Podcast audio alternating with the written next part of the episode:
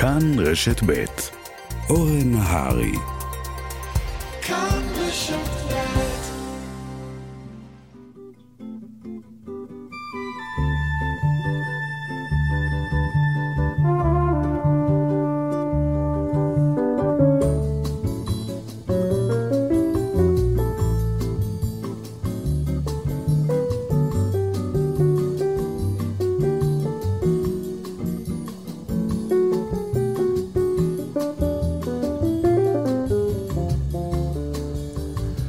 בוקר טוב ושבת שלום לכם, מאזינות ומאזינים. מהר, בלי גוגל.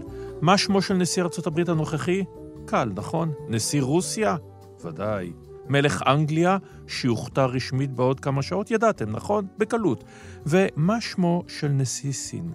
למה בעצם כולנו מכירים יותר מלכים אנגליים מסינים בכל תחום מכל ההיסטוריה? מדוע האי הקטן הזה ממשיך להלך עלינו קסם? מדוע אנו צופים בסדרות הטלוויזיה על אצילים מעידנים אחרים, סדרות מתח על רצח באוריינט אקספרס ובאחוזות אריסטוקרטיות, שומעים מוזיקה מליברפול ולונדון, ואפילו כאן בארץ קוראים ספרים, רואים סדרות דוקומנטריות על ימי המנדט. אז לרגל הכתרתו של צ'ארלס השלישי, נקדיש את חלקה הראשון של התוכנית לבריטניה הגדולה או הגדולה לשעבר. מפיקה ועורכת משנה מאיה טלמון עזרזר המעולה, על הביצוע הטכני יאיר ניומן, ואני אורן נהרי. נתחיל.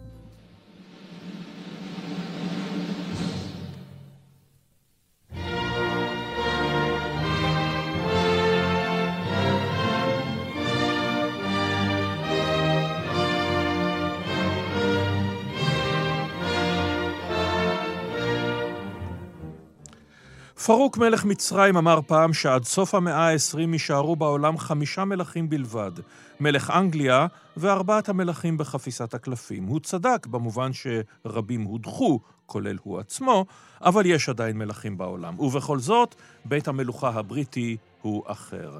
שלום למירי קרימולובסקי. שלום, שלום, הוא אחר, אבל הפעם הוא יהיה without aristocracy. לגמרי. היסטוריונית אומנות, חוקרת בית המלוכה. צ'ארלס עולה לכס אחרי ציפייה סבירה לגמרי של 50 שנה כיורש עצר. כמה רצון טוב יש כלפיו בכלל? אה, אז צריך לומר שאם בעבר הוא היה דמות די נלעגת, אפילו לימים אה, די שנואה, היום אה, העם הבריטי אוהב אותו, וזאת אגב גם הסיבה שהיחס למשל אל, אל הנסיך שיושב באמריקה הוא יחס מאוד לא אוהד, מתוך דאגה לאביו ולמלוכה. הוא לא אטרקטיבי כמו אימא שלו. או כמו לא... הבן הבכור שלו. בדיוק. בדיוק, הוא לא יפה כמו הזוג שיבוא אחריו. יחד עם זאת, יש לו חוש הומור מוצלח, וזה אני יודעת באופן אישי, וחוש הומור אצל הבריטים זה מאוד מאוד חשוב, והאנגלים אה, רוצים שזה יצליח. הם בהחלט רוצים שזה יצליח, ויש התרגשות גדולה, גם איפה שאני אה, עובדת שם, בחלק של האומנות בארמון, על כל מה שעומד להתרחש, ולדעתי מפרגנים לו, אבל מתחילים להעלות כל מיני טענות. שהיו גם בתקופת המלכה, רק אז לא היה נעים להעלות אותם. מה למשל? אז מה, למשל כל העניין של לא משלם מיסים. כל העניין של המתנות, אתה יודע, לא רק אצלנו יש בעיות עם מתנות, גם אצלו יש את המתנה שהתקבלה באופן רשמי ויש להפריד בין מתנות פרטיות לבין אה, מתנות רשמיות, למשל אוסף הבולים המאוד מאוד מיוחד שהוא קיבל לפני הרבה שנים ששווה 100 מיליון פאונד, והעם אה, דורש ו- בעצם שהוא... וכמובן אה, נכסי הנדל"ן והדוכסות ששווה מיליארד פאונד בנכסי דלא ניידי, יש פה כמה בעיות לא פשוטות. נכון, ושוב, הקסם שהיה לאמו, ושהחליקו כל מיני דברים, זה לא קורה וזה כבר יוצא, וכל יום יוצאים אה, דברים אה, חדשים שהוא יצטרך להתמודד איתם. זאת אולי גם הסיבה שהוא החליט, כמובן עם יועציו, לעשות מה שנקרא טקס רזה, slim coronation. והכוונה היא גם מבחינת העלויות הכספיות, גם מבחינת הזמן, כל ה-pomp and circumstance, זאת אומרת, כמובן היופי ש, שזה מה שהעם האנגלי אוהב, הלוואי והיה לנו והיינו מתעסקים בשטויות האלה ולא בדברים אחרים, זה יהיה. אבל זה יהיה יותר עממי, ולכן הזכרתי את העניין, דיברת על, על האריסטוקרטי, כן, על, על האצילות. אחת השערוריות העכשוויות היא שהוא לא הזמין את קרובת המשפחה הכי חשובה שלו, כמובן חוץ ממשפחתו הגרעינית, וזאת ליידי היקס, בתו של מאונט בארטן, שבעצם הוא הדמות אולי הכי חשובה במשפחה היותר מורחבת, כי הוא רוצה הפעם יותר אנשים, יותר עמך, יותר אנשים, אה, יהיו אמנים, יהיו אנשים מכל מיני סקטורים, לא תהיה הוא רוצה אצולה. כמובן לבוא ולהדגיש, וזה משחק, אה, וזה ריקוד בלט מאוד מאוד מתוחכם. מצד אחד, ההמשכיות אל האימא הנערצת, המקשרת את העם אל הבליץ וכולי, נכון. ומצד שני, לבוא ולומר, אני מתחיל פה דף חדש. השתמשנו בשיחה הזאת בשני ביטויים, וזה משמעותי. מלך אה, בריטניה ואת אמרת האנגלים. אז האנגלים נניח איתו, מה לגבי הסקוטים? מה לגבי האירים? מה לגבי הוולשים? אז העם שאוהב אותו מאוד, הסקוטים והאירים פחות, אגב, הוא גם במהלך השנים, בניגוד לאימא שלו, שעשתה את זה יותר בחוכמה, הוא מדי פעם היו לו כל מיני התערבויות פוליטיות לא לגמרי לעניין, אם נאמר אותם, כן? אה, הוולשים מאוד אוהבים אותו, נזכיר שהוא למעשה, אחרי שהוא סיים את האוניברסיטה, ואולי מילה באמת גם לומר על זה, שהוא האקדמאי הראשון הרציני במשפחה הזאת, כן? הוא למד, הוא סיים גם ארכיאולוגיה וגם אנתרופולוגיה, אבל לאחר מכן הוא נוסע לווילס, ובמשך שנה שלמה הוא לומד שם את השפה, והוא גם מדגיש מדי פעם לדבר בשפה שלהם, בשביל לתת את ההדגש שהוא באמת גם המלך שלהם. אז לוולשים יש חיבה מיוחדת אליו, כן? לכן נזכיר שהוא גם ב-69 כמובן הופך להיות The Prince of Wales. כן. אה, הסקוטים והאירים עומדים לראות מה יהיה, וגם ה-commonwealth, גם בעצם... כמובן, ה... קנדה ואוסטרליה והאיים הקריביים שמתחילים לבוא ולומר, די, נמאס לנו מהדבר האנכרוניסטי הזה. נכון, אה, ואתה יודע, האנגלים שאני פוגשת, הם עדיין מרגישים שהם אימפריה. את זה הם צריכים אולי להבין.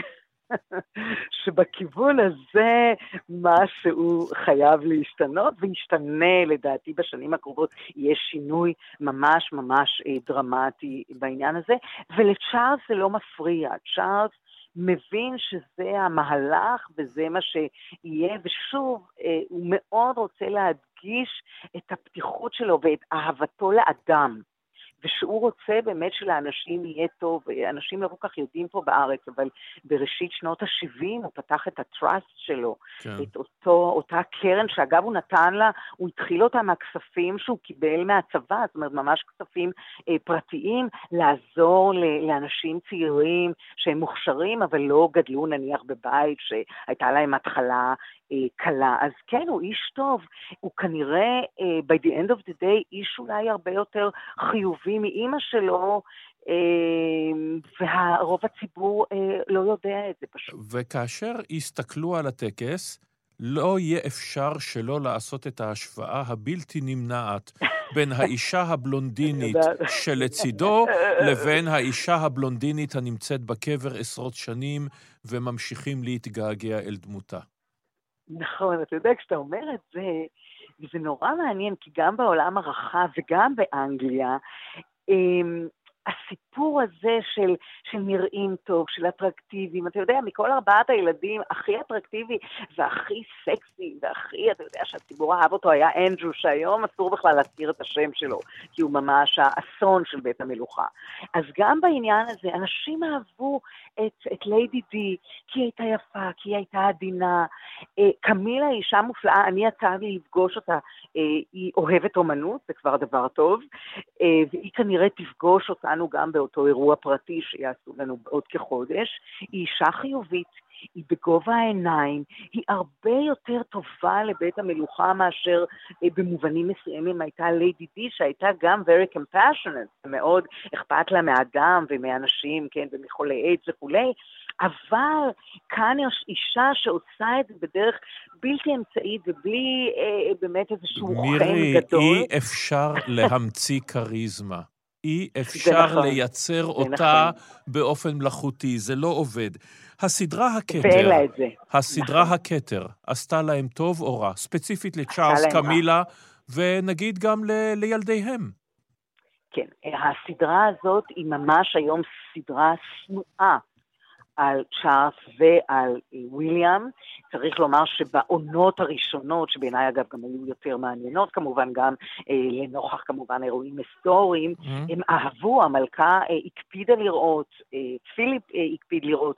היום הם ממש מרגישים וחרדים מהעונה הבאה, מה יהיה, איך יהיה, איך הם יראו, זה בהחלט עשה להם נזק גדול. בפרט שבואו נזכיר שזה לא, זה פיקשן, כן? זה מבוסס על דברים אמיתיים. אבל חלק מהדברים, המשפחה הלא מתפקדת הזאת, המלכה שאוהבת בכל ליבה סוסים, כלבים ואת אנדרו המאוד בעייתי בלבד, אה, יש פה דברים שעלו, וכמובן, שאלת השאלות, כמו בהרבה משפחות אחרות, יש בעיות. את מי מושיבים ליד מי בסדר פסח, כולנו מכירים את זה, וכמובן, הכבשה הסוררת, הג'ינג'ית, לא השחורה, הארי ומייגן. שאם אתה הזכרת את סדר הישיבה, אתה יודע, אני אומרת, הבחור הזה, אני לא מבינה אותו. הוא למשל כעת, אחרי כל הכעסים, ובכל זאת כמובן הוא יבוא להכתרה, הוא מעניין אותו ליד מי יושיבו אותו. אתה מעלה על הדעת דבר כזה? בהחלט, באמת, הוא בן לא- מלוכה, על זה יצאו למלחמות פעם. והם אומרים, תגיד תודה שבכלל אנחנו איכשהו מחליקים אותך פנימה, תדע לך, העם האנגלי ממש מתעב את הסוג הזה. כן, הוא עשה, זה. נכון. כתיבת הזיכרונות והבכיינות הזאת בעצם עלתה להם לראש. ובכל מקרה, יהיה מרתק לראות איך צ'ארלס חוצב לעצמו נתיב חדש באותה אנגליה חדשה ובריטניה חדשה, שהיא כבר פרלמנטרית, שבה המלך, אולי למרבה הצער, לא יכול לערוף עוד ראשים. תודה רבה לך על הדברים האלה, מירי קרמולובסקי. תודה לך, אורן, ולהתראות. וכמובן, God save the king. לחלוטין. ומכיוון שאנחנו בבריטניה מקדישים לה את השעה הזו, אז כמובן גם המוזיקה תהיה כה-אנגלית, ואחד השירים המזוהים מכל עם אנגליה במאה ה-20, We'll Meet Again, ורלין, ההמנון של החיילים האנגלים במלחמת העולם השנייה.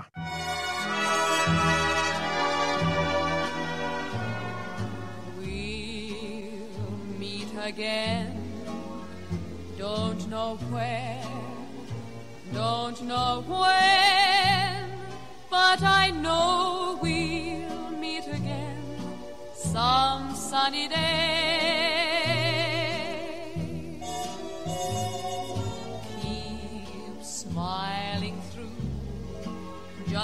Like you always do, till the blue skies drive the dark clouds far away. So will you please say hello to the folks that I know? Tell them I won't be long. They'll be happy to know that as you saw me go, I was singing this song. We'll meet again. Don't know where, don't know when, but I know we'll meet again some sunny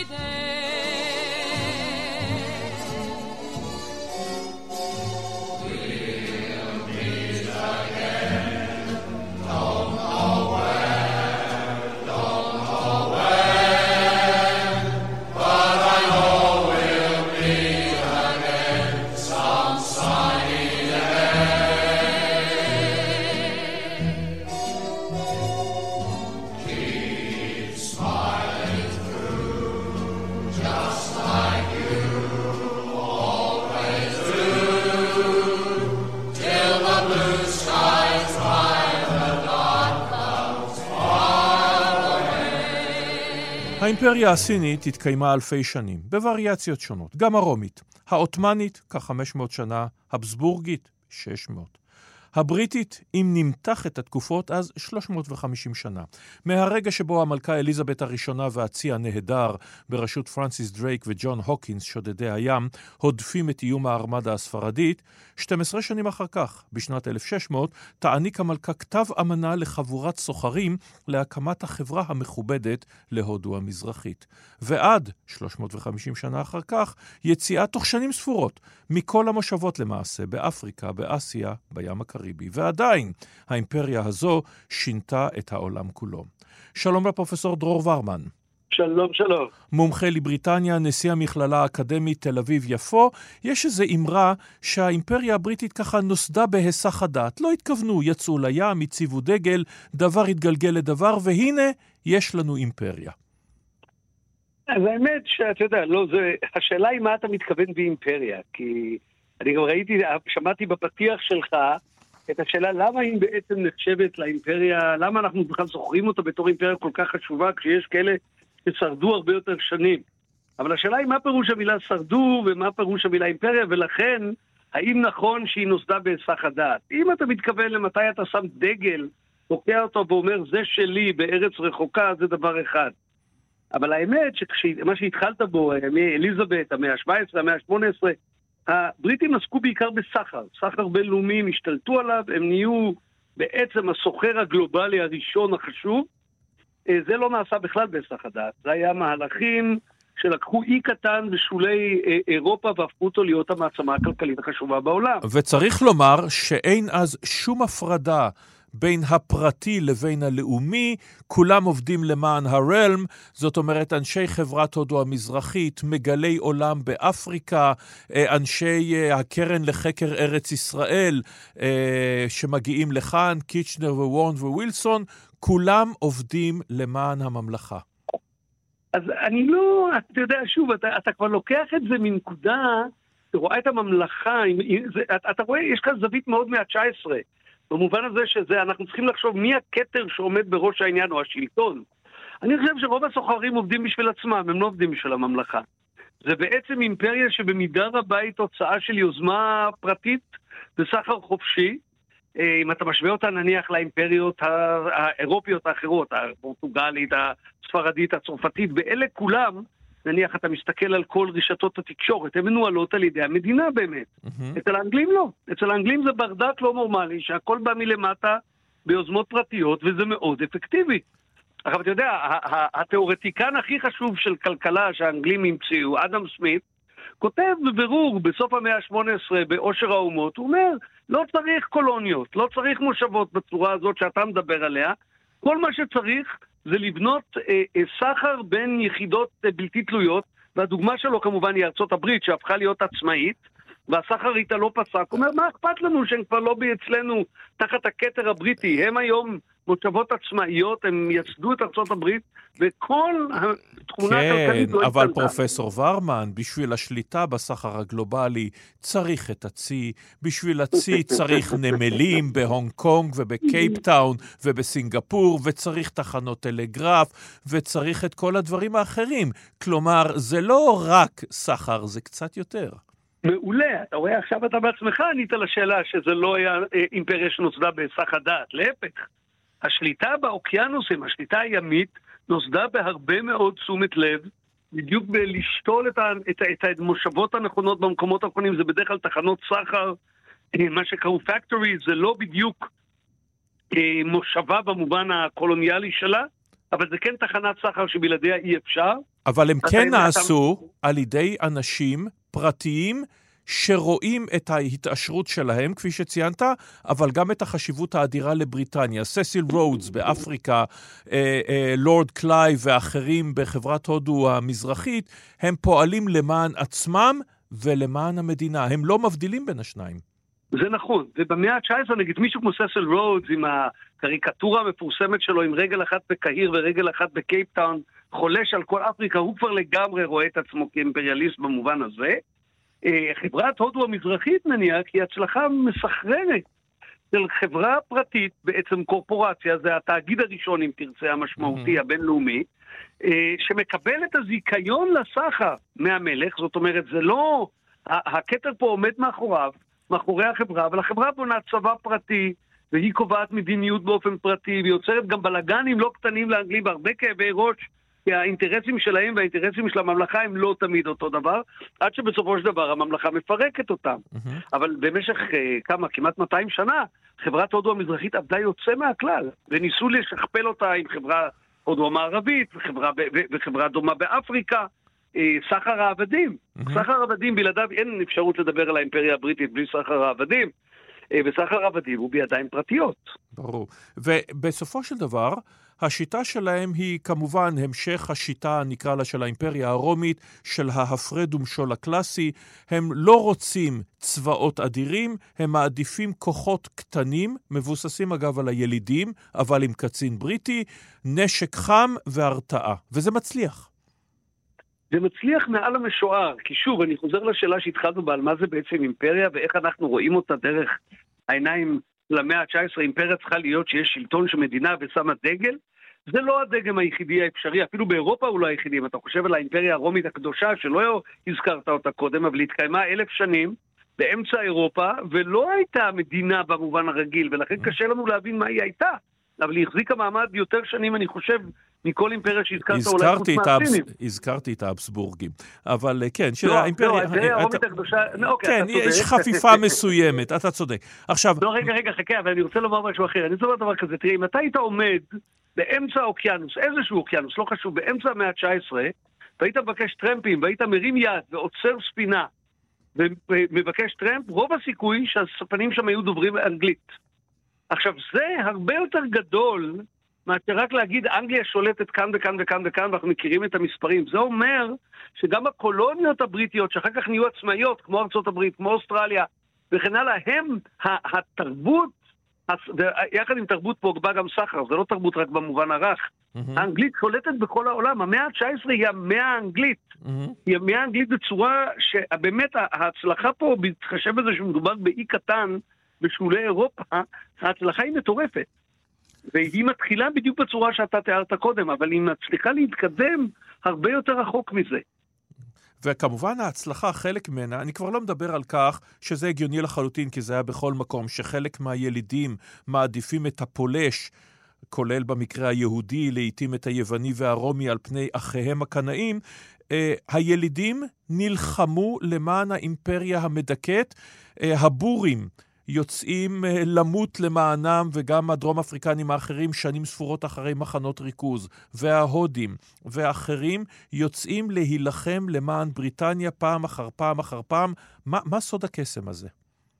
פה הבורים למשל, זה סיפור נהדר, כי כמו שאתה אומר, יש להם כל הסיבות לא לעשות את זה, אלא שהבריטים, אחד הדברים, אחד ההישגים הגדולים שלהם זה שהם הצליחו ליצור אה, הקבלה בין התרבות שלהם לבין עליונות גזעית לבנה. אם אתה רוצה להיות לבן, אתה צריך, זה, זאת הדרך להיות לבן.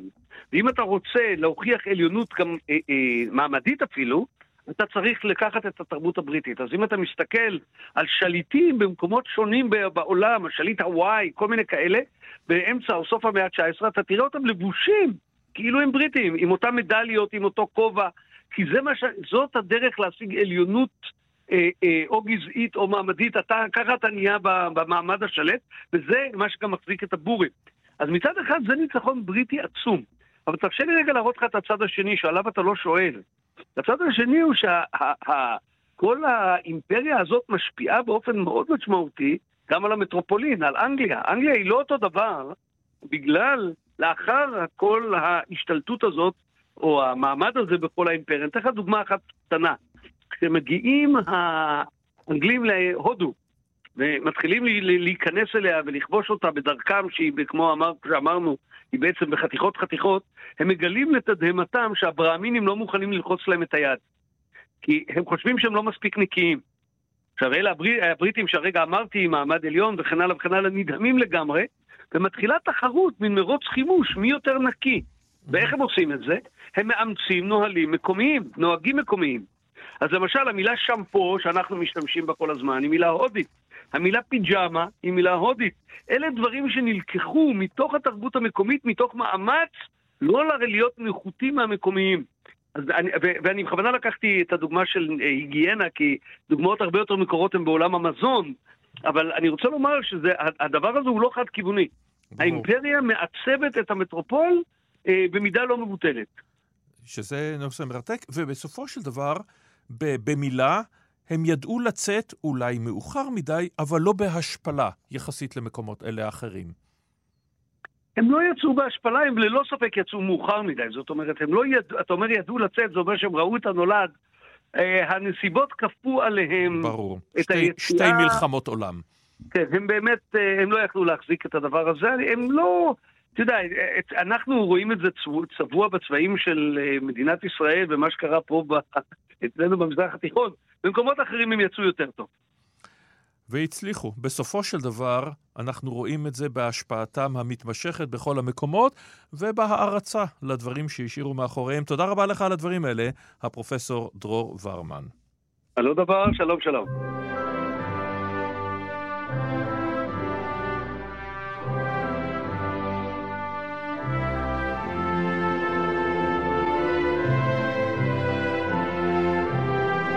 ומוזיקה כיאות לימי האימפריה, I vow my country.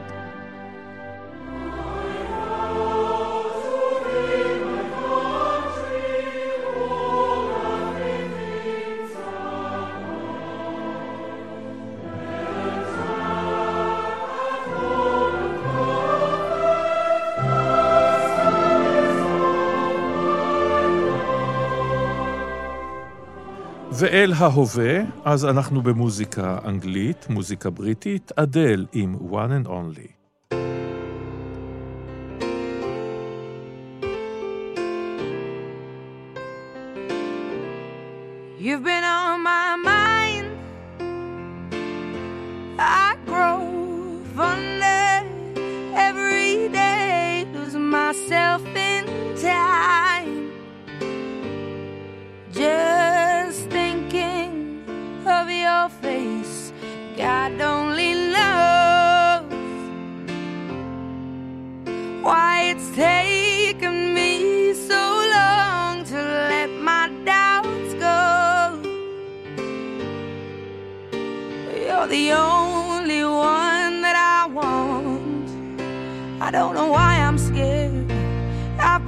Before. Every feeling, every word. I've imagined it all. והיום, מה מעמדה של בריטניה היום? מה החזון שלה? געגועים לעבר מיתולוגי שהתקיים, כן? עתיד של מדינה בינונית בקצה אירופה? שלום לדוקטור אסתר לופטין. שלום לכם. מומחית לאירופה מבית הספר לשפות זרות באוניברסיטת תל אביב, האירוע הדרמטי של השנים האחרונות בבריטניה הוא כמובן הברקסיט, ההחלטה, ברוב קטן, אבל בהחלט רוב, לעזוב את האיחוד האירופי, לצאת לדרך חדשה, בעצם לא להיות עוד בריטניה הגדולה, אלא איזה סוג של אנגליה הקטנה. ככה מבודדת, בלא מהגרים, בלא כאלה שיפריעו לה, בלא משהו אחר לגמרי. כן, בהחלט. Uh, בהחלט. אני חושבת שהברקזיט היא באמת נקודת מפנה ביחסים של בריטניה עם האיחוד האירופי. אבל צריך לזכור שהברקזיט הוא לא באמת הפתעה, uh, בייחוד למי שמכיר ומלמד הרבה שנים על האיחוד האירופי. בשורה התחתונה, בריטניה מלכתחילה, כשהשוק האירופי המשותף הוקם ב-1957, uh, היא זו שבעצם, רק היו מספר קטן של מדינות שהצטרפו לשוק האירופי המשותף בזמנו. אה, גרמניה, צרפת, אה, אה, איטליה ומדינות בנלוקס, בלגיה, לוקסמבורג והולנד ובריטניה התנגדה בתוקף. ובעצם הקימה ארגון מתחרה שקראו לו אפטה בזמנו, הוא עדיין mm-hmm. קיים, כשהמטרה היא בסופו של דבר הייתה כדי לשמור באמת על מרחב תמרון ולשמור על יחסים עם הקולוניות והחבר העמים הבריטי. בריטניה נכנסת לאיחוד האירופי, על השוק האירופי בזמנו, רק מסיבות כלכליות גרידא.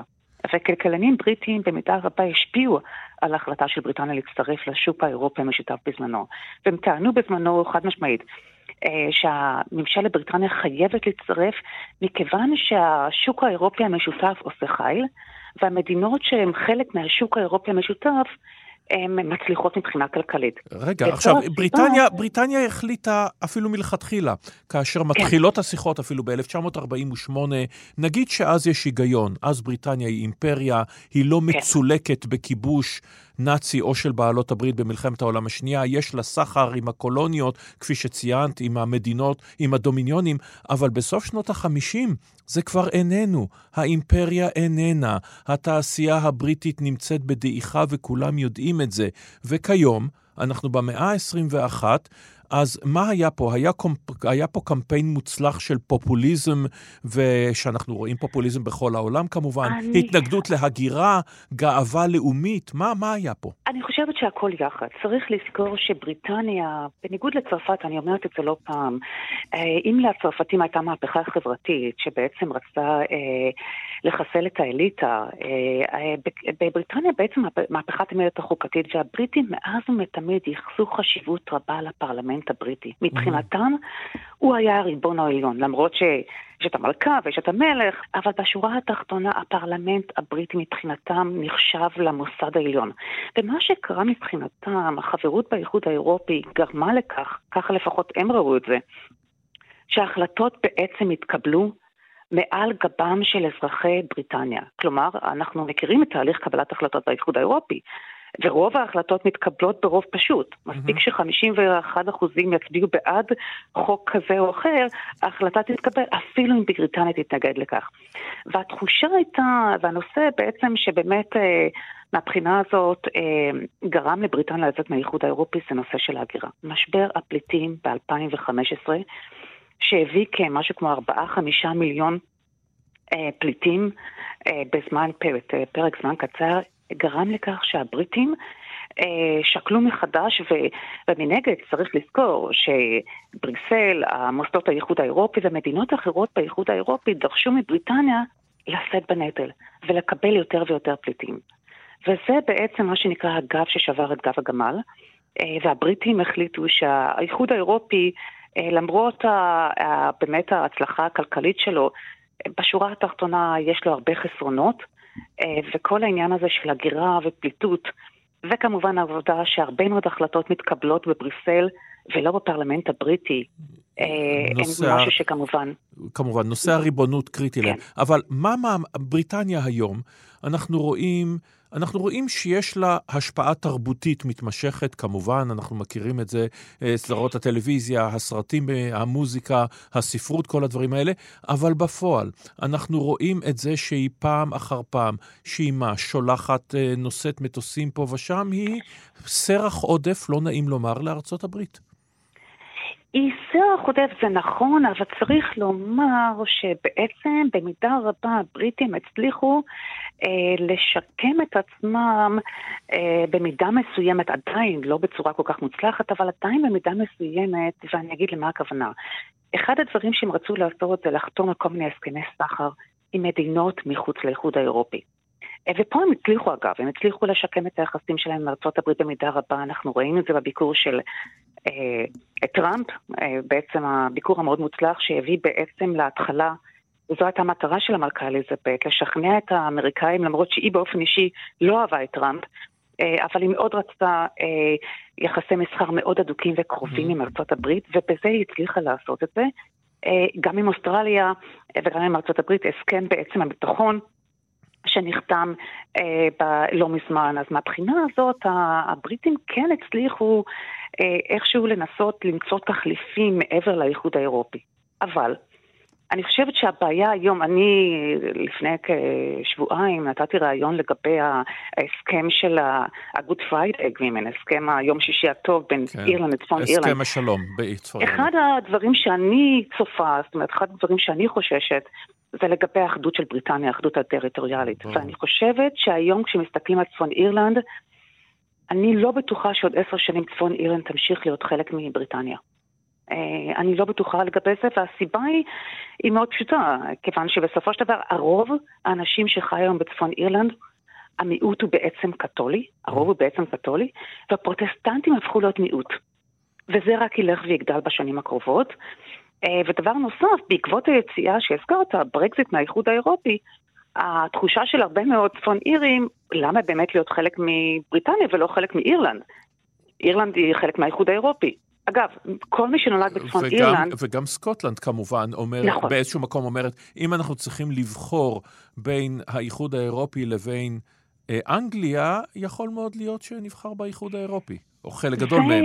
כן, כן, למרות שסקוטלנד זה עשוי להיות יותר בעייתי, כן. אה, ההיפרדות מבריטניה מהסיבה הפשוטה, כי אם צפון אירלנד תיפרד, היא תצטרף לאירלנד, אבל אם סקוטלנד היא בעצם תקים מדינה עצמאית משלה, זה עשוי להיות בעייתי עם מדינות כמו ספרד או רומניה, שיש להם הרבה מיעוטים שם. אלא אם כן ו... זה יהיה בהסכמה כמובן עם לונדון.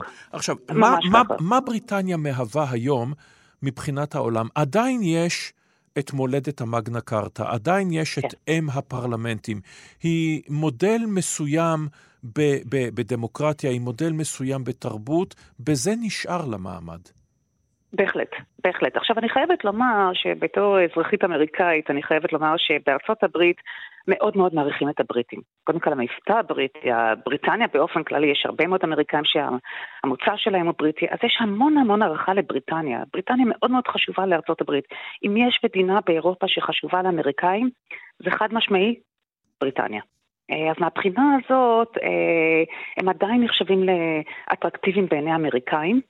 אה, שהיא באמת אחת משותפות הסחר העיקריות של בריטניה היום, אה, והיא תמשיך להיות כזאת. לכן מהבחינה הזאת אני לא חושבת שהמוניטין שלה ירד עם היציאה מהאיחוד האירופי, להפך, הוא עלה אפילו, הייתי אומרת. כי אז אה, מקרב אותה יותר לבריטניה והיא פחות, הברית, והיא פחות כפופה לחקיקה של האיחוד האירופי, שבעצם מגבילה אותה יחסים בינה לבין ארצות הברית. אבל צריך לומר שבריטניה היום יש לה, עומדת בלא מעט אתגרים. יוקר המחיה, מערכת הבריאות הכושלת, אה, כלומר, יש לה לא מעט אתגרים, ואני חושבת ש... קיטוב כן. פוליטי, כמו בהרבה מאוד מדינות בהחלט. אחרות. אה, השמרנים אולי יאבדו את הרוב המוצק שהיה להם כל כך הרבה שנים. יש לא מעט בעיות, כמובן. בהחלט. בהחלט, בהחלט. למרות שאני חייבת לומר שזה נורא מעניין הנקודה שהזכרת, כי באמת לפי סקרי דעת קהל, הפערים בין התמיכה לשמרנים לבין הלייבור הולכת וגדלה. עכשיו התמיכה בלייבור היא משהו כמו 44 אחוזים, בשמרנים 26 אחוזים, הפער רק הולך וגדל. אבל אני חושבת, אה, יכול להיות שמתוך אה, נואשות, אה, ככה לפחות זה נראה לי, רישי סונאק, הייתי אומרת בחוכמה רבה מבחינתו, כי אנחנו רואים שזה משפיע על הסקרים, הוא החליט לתקוף נושא, שפה בעצם יש, אה, אה, אה, וזה נושא ההגירה, mm-hmm. שהמטרה שלו היא בעצם להנהיג מדיניות הגירה נוקשה. בשנה האחרונה כ-45 אלף מהגרים לא חוקיים הגיעו דרך אה, אוניות כן. וספינות וסירות לבריטניה. אגב, כשליש מהם הם מאלבניה. Mm-hmm. ואחד הדברים שהוא עושה בחודשים האחרונים, זה פשוט, הוא מבין שהנושא הכלכלי זה הולך להיות בעייתי, לתקוף את יוקר המחיה הולך להיות בעייתי. נושא ההגירה זה נושא בטוח מבחינתו, ופה הציבור הבריטי רוכש לו יותר ויותר אהדה, כי אנחנו רואים את זה בכל אירופה בעצם. כן, הדרישה של הציבור הבריטי, כמו הציבור האירופאי, להנהיג מדיניות הגירה נוקשה. אחד הדברים שהוא עושה זה גם להכריז על אלבניה כמדינה בטוחה, זה אומר שכל מי שמגיע מאלבניה באופן אוטומטי מוחזר לאלבניה. אה, ופשוט להגביר את האכיפה. ברור. אה, והצעדים האלה, כשמסתכלים על הסקרים, הפכו להיות מאוד מאוד פופולריים, שזה מאוד מעניין. ואחוז נכון. התמיכה בו בקרב השמרנים עומד על 75 אחוזים, כשבקרב מנהיג המפלגה, מפלגת הלייבור, כ-48 אחוזים. זאת אומרת, אנחנו נראה... רואים שהצעדים האלה הם צעדים מאוד פופוליסטיים, בדיוק. והם כנראה מוצלחים מאוד מבחינתו. כן, פופוליזם עובד, אבל את זה אנחנו יודעים לא רק מבריטניה. כן. תודה לך על הדברים האלה, הדוקטור אסתר לופטין. ועכשיו, כמובן, אנחנו ממשיכים עם מוזיקה, ואמרת בריטניה, אמרת אנגליה, אמרת ביטלס.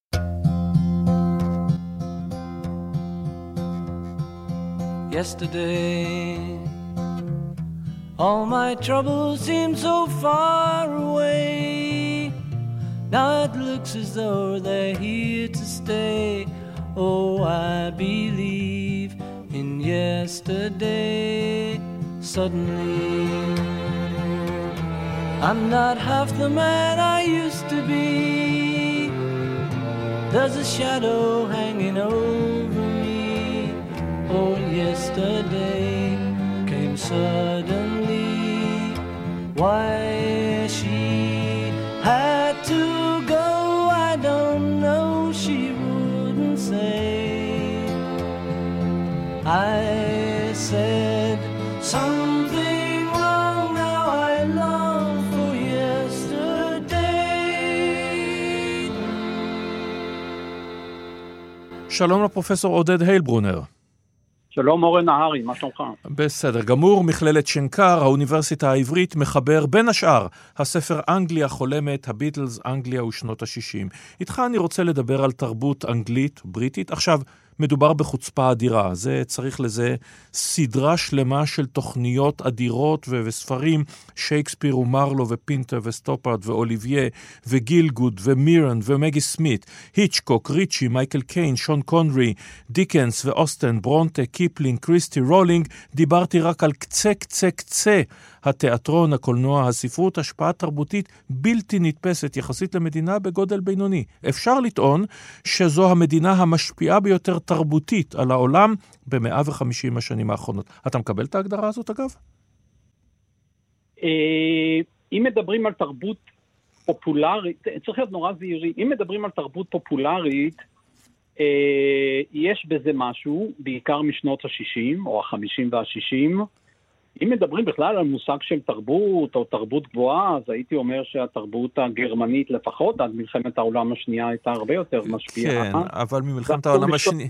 ממלחמת העולם השנייה קרו עוד כמה דברים, ואני כמה... רוצה להתמקד איתך, מכיוון שאי אפשר לדבר על הכל, בוא נדבר כן. על המהפכה ששינתה את העולם, בוא נדבר על ה-60's. ומה היית מתחיל לדבר? הביטלס כמתבקש, המה, הפלישה הבריטית המפורסמת לארצות הברית של הביטלס והסטונס והאנימלס ושאר הלהקות? תראה, באמת, אם רוצים לתת מבט גלובלי, אז באמת הנושא של הביטלס ומוזיקת פופ ורוק זה נקודת התחלה טובה. אם רוצים קצת יותר לדקדק, אז כדאי להתחיל בשנות החמישים ותהליכים שמתרחשים בתוך בריטניה עצמה. שלאחר מכן מבשילים בשנות ה-60 ומתפרצים לרחבי העולם. אבל כן, הטענה שלך, אפשר לבוא ולקבל את זה שהפלישה הבריטית בראשות הביטלס באמת משנים משהו, כן. עד כמה זה משנה? הביטלס בהתחלה, צריך לזכור, הם כולם, הם מושפעים מהמוזיקה האמריקנית. ההתחלה היא קאברים של, של ג'רי לי לואיס וליטל ריצ'ארד וצ'אק ברי ואלוויס פרסלי, רק אחר כך בעצם, באמצע, או אפילו לקראת סוף שנות ה-60, זה ההשפעה התרבותית הדרמטית שקיימת כן. עד עצם היום הזה. כן, אז זה נכון, באמת הביטלס באלבומים הראשונים שלהם, הם בעצם עושים גם קאברים וגם כותבים שירים, לנון ומקארטני, בסגנון יותר של הבלוז השחור או הסול השחור האמריקאי בין היתר, אבל יש גם השפעות אנגליות, כמו נגיד שירים כמו All My Loving, או Do You Want to Know, know a Secret, בסגנון של המיוזיקול האנגלי, הבריטי, או אה, האנגלי. אבל זה נכון, אה, הביטלס באמת שואבים אה, בהתחלת דרכם הרבה מקורות מארצות, אה, מארצות הברית, זה עובר פילטר לבן באנגליה, ומתפשט ברחבי העולם. אבל חשוב לזכור שהביטלס כובשים את העולם, אני לא יודע אם כל כך בזכות המוזיקה, כמו בזכות הרעננות הצעירה, חוש ההומור הבריטי, ההתנהגות היחסית משוחררת על הבמה, סקס אפיל, כריזמה. זה מה שדיבר אל כל המיליוני נערות ברחבי העולם בשנים 63-64. והיו... והיו, כן, והיו כמובן גם הלהקות הנוספות שהטביעו חותם אדיר. בואו נדבר שנייה על, כן. על ריגול. Uh, באותן שנים, בתחילת שנות ה-60, 62, 63, ראשית כל יש עיבוד לקולנוע ב-63 של סדרת ספרים שהתחילה להיכתב עשור קודם לכן על ידי איאן פלמינג, כמובן כן. סדרת ג'יימס בונד עם דוקטור נו, שממשיך עד עצם היום הזה בהצלחה אדירה, מותג בריטי, ו... שניים שכותבים ספרים בסגנון מהורהר, פסימי. האויב הוא לא, או לא רק, אה, רב המרגלים הרוסי, אלא זה שנמצא במשרד לידך, הלוא הם כמובן ג'ון לה קארה ולן דייטון, הם עושים כן. מהפכה בספרות הריגול, שהיא ספרות מאוד חשובה במאה ה-20. כן, אני מאמין שדייטון ולה קארה פרצו בזכות ג'יימס בונד, או איאן פלמינג, או בזכות ג'יימס בונד והספרים. קודם כל כדאי לשים לב שגם דוקטור נו וגם האלבום הראשון של הביטלס ועוד כמה דברים יוצאים בסמיכות מאוד מאוד, אה, ללא שום קשר, סוף 1962, תחילת 1963, ובאמת מבטאים פריצה בריטית. עכשיו, ספרי הריגול האנגליים או הבריטים, קודם כל אפשר לבוא ולחזור לז'אנרים האנגליים הידועים בכל העולם, כמו שרלוק הולמס, של קונן דויל מ-1900-1904 וגרהם גרין לפני מלחמת העולם השנייה, זאת אומרת שהם כבר, הז'אנר הבריטי, האנגלי הזה, אגב, אני כל פעם אומר בריטי או אנגלי, כן. אני מדבר בעיקר על אנגלי, אה, כן? בדרך כלל, כן, וצריך לומר, הז'אנר גם, אם הזכרת, של ספרות ה-whodunit. כן, נכון. התעלומות המתח הכה מזוהות עם אגתה קריסטי, אבל גם עם דורותי סיירס, כן, ו- כן. וג'וזפין טיי ורבות אחרות, עד ג'יי קיי רולינג בעצם. נכון, זאת אומרת שפלמינג ובונד ודייטון ולה קארה צועדים על מה שנקרא קרקע חרושה. אבל הם נכנסים לתוך המלחמה הקרה, שבה mm-hmm. בריטניה ממלאת לא תפקיד ראשוני כמו ארה"ב, אבל תפקיד מרכזי, וכמה שערוריות ריגול גדולות ביותר שמסעירות את כל המערב בשנות החמישים. פילבי, מקלין, mm-hmm. ולהבדיל, פרשת הריגול, סקס, מין של פרופיומו ב-1962, נותנים כאן איזושהי דחיפה לז'אנר הזה על סוגיו השונים, הפופולרי סקסיסטי של ג'יימס בונד, וכמו שתיארת יפה, מהורהר משרדי של לקרה, לפרוץ אה, ולעמוד בשורה הראשונה של ספרי וז'אנרים הריגול בשנות ה-60 והלאה. כן, ועוד, דבר, ועוד דבר שקורה, שהוא משמעותי מאוד. ושוב, אנחנו יודעים שמושג הזמן באופן כללי הוא מושג כמובן אה, פיקטיבי לחלוטין, זה אנחנו בני אדם שנותנים בהם סימנים. שנות החמישים הם עדיין מזוהות עם השמרנים, עם השמרנים של פעם, עם כן. אידן ומקמילן ואנשים במגבעות באולר שהולכים לסיטי ומרג... ומנסים את תהילת העבר במבצע סואץ וכולי. לקראת סוף העצור יש לנו את דרמות כיור המטבח של התיאטרון, ופתאום בשנות ה-60 הכל משתנה.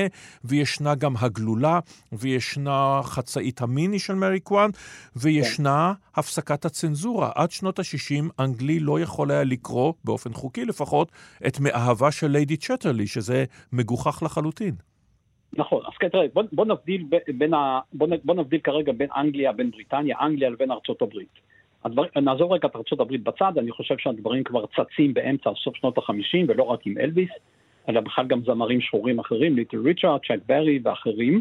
אבל בבריטניה יש כבר זרמים תת-קרקעיים במהלך שנות החמישים. הממשלה שמרנית, אבל היא בעצם שמרנית ליברלית, הממשלות של אידן ובעיקר מקמילן, mm-hmm. כן, שיוזמים כמה פרויקטים תרבותיים, אה, אדריכליים, אה, מבניים, מאוד מאוד חשובים בכלכלה ובתרבות ובחברה האנגלית, לדוגמה מערכת החינוך, כן?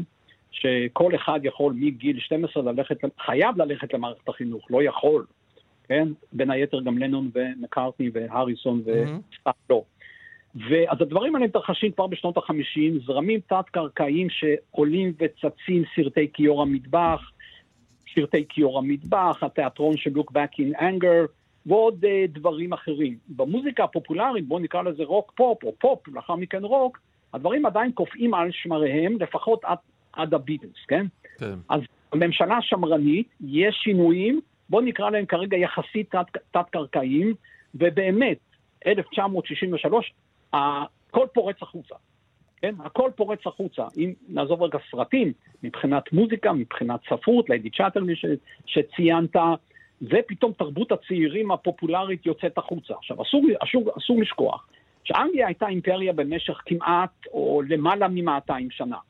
זה נכון שהאימפריה הזאת סופגת מהלומה מאוד גדולה כבר אחרי מלחמת העולם הראשונה, ובטח אחרי השנייה. היא מתחילה להתקפל או מקפלים אותה. אבל המורשת האימפריאלית, בואו ניקח לדוגמה שפה, mm-hmm. תרבות, כן? באפריקה שמעו על שייקספיר. כן? עוד לפני מלחמת העולם השנייה. ברור. אה, באזור, בהודו על אחת כמה וכמה, כולל הקריקט. זאת אומרת, יש עדיין הילה אימפריאלית. היא שוקעת.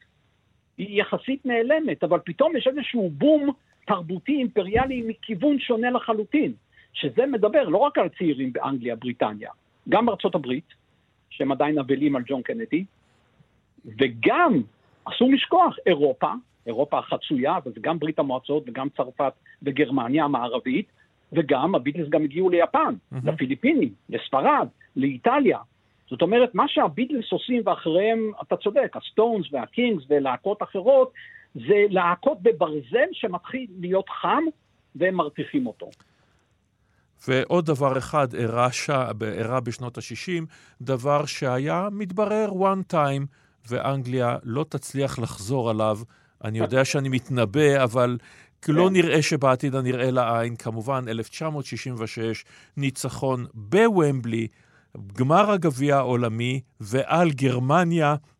משחק בלתי נשכח, אבל שוב, זו הייתה הצלחה ככל הנראה חד פעמית. מה שכן, הם ממשיכים כרגיל, גם בכדורגל, להתגעגע לימי הזוהר. תודה רבה לך על הדברים האלה, הפרופסור סליחה? עודד הלברונר. כן? סליחה, לא ברור שאנגליה ניצחה. אה, אוקיי, כן. נסיים פה. עם הכוון שעד ליום זה, כן, זה נכון.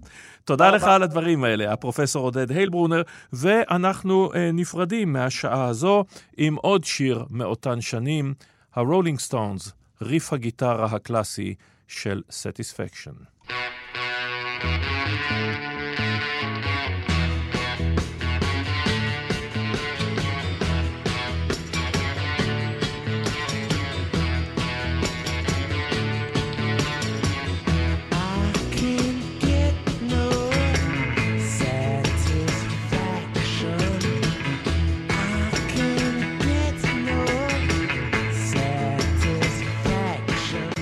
ועד כאן השעה הראשונה שהוקדשה לבריטניה. תודה לעורכת משנה ומפיקה מאיה טלמון עזרזר, על הביצוע הטכני יאיר ניומן, כאן אורן נהרי, ניפגש אחרי חדשות השעה תשע.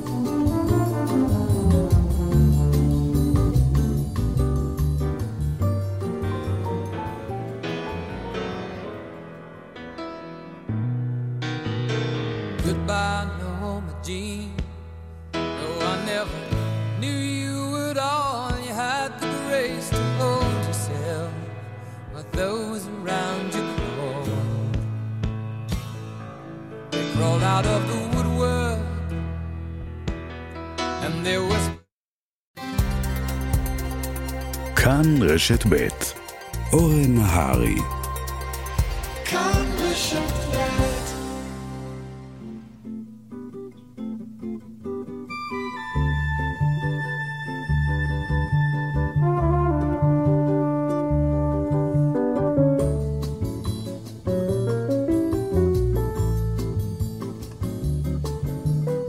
בוקר טוב, שבת שלום לכם, מאזינות ומאזינים. אנחנו בשעה השנייה של תוכניתנו, עורכת משנה ומפיקה, מאיה טלמון עזרזר, יאיר ניומן על הביצוע הטכני, אני אורן נהרי. וכרגיל, השעה השנייה מוקדשת לשנה אחת בהיסטוריה, שנה בשעה, והפעם 1905. מהפכה. בלי שפיכות דמים, אבל בהחלט תולדה של מהפכות מדממות התרחשה ב-1905 בצרפת. צרפת הקתולית, אני מזכיר לכם. זירת הטבח שעשו הקתולים בהוגנוטים, ליל ברטולומיאו הקדוש. צרפת ששנים ספורות קודם לכן היו בה פרשת דרייפוס ופרשת פנמה האנטישמיות, והיא מקבלת חוקה חילונית עליה. הכנסייה מופרדת מהמדינה, ולכך יש השלכות על צרפת ומדיניות הפנים שלה עד עצם היום הזה, כולל כמובן סמלים דתיים במקומות ציבוריים, ועל כך נשוחח בהזדמנות אחרת. ומהפכה גם ברוסיה.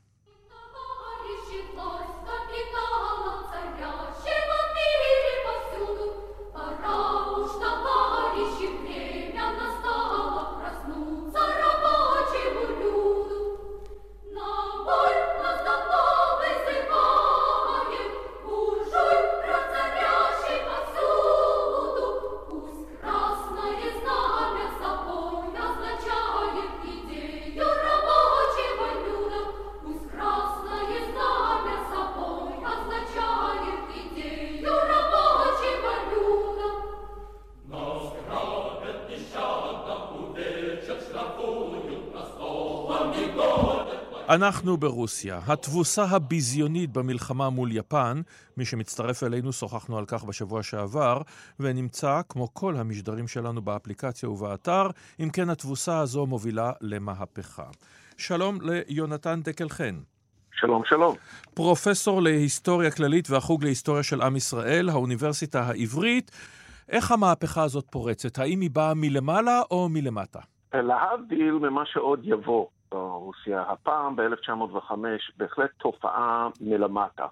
אה, של, של הרכב אה, או סוג של חבית נפט ש, שלאט לאט מתמלאת, והנה, ב-1905 היא פורצת, כאשר המלחמה שהזכרת, מלחמת רוס, אה, רוסיה-יפן, אה, זה, זהו המצע של, של המהפכה. אה, ייתכן שממילא, מאותן סיבות, ללא המלחמה הזאת, המהפכה הייתה פורצת, אם לא ב-1905, סמוך אליה. או, אז בואו נדבר רגע על הנקודה הזאת. האם רוסיה יכלה, אני יודע זו היסטוריה חלופית, אני יודע היסטוריונים מתעבים את השאלה הזאת, אבל האם רוסיה יכלה לעלות על פסים אחרים? הרי בסופו של דבר, במפנה המאה ה-20, יש שינויים לטובה ברוסיה, יש התקדמות, יש התקדמות בהשכלה, יש במדע, מנדלייב והטבלה המחזורית ולומנוב ואחרים, יש סלילת מסילות ברזל, יש... אה, האם יכול להיות תרחיש שבו היא הייתה הופכת להיות, נניח, מלוכה חוקתית, פחות או יותר? יש הסבורים שכן. השאלה הזאת גם כן תתעורר אה, אה, אצל ההיסטוריונים לפחות, אה, לאחר המהפכה הגדולה, המוצלחת יותר למהפכנים ב-1917. מוצלחת, מוצלחת או לא בראי ההיסטוריה זה נושא לוויכוח גדול. נכון, המהפכה נכון, הצליחה. בהחלט.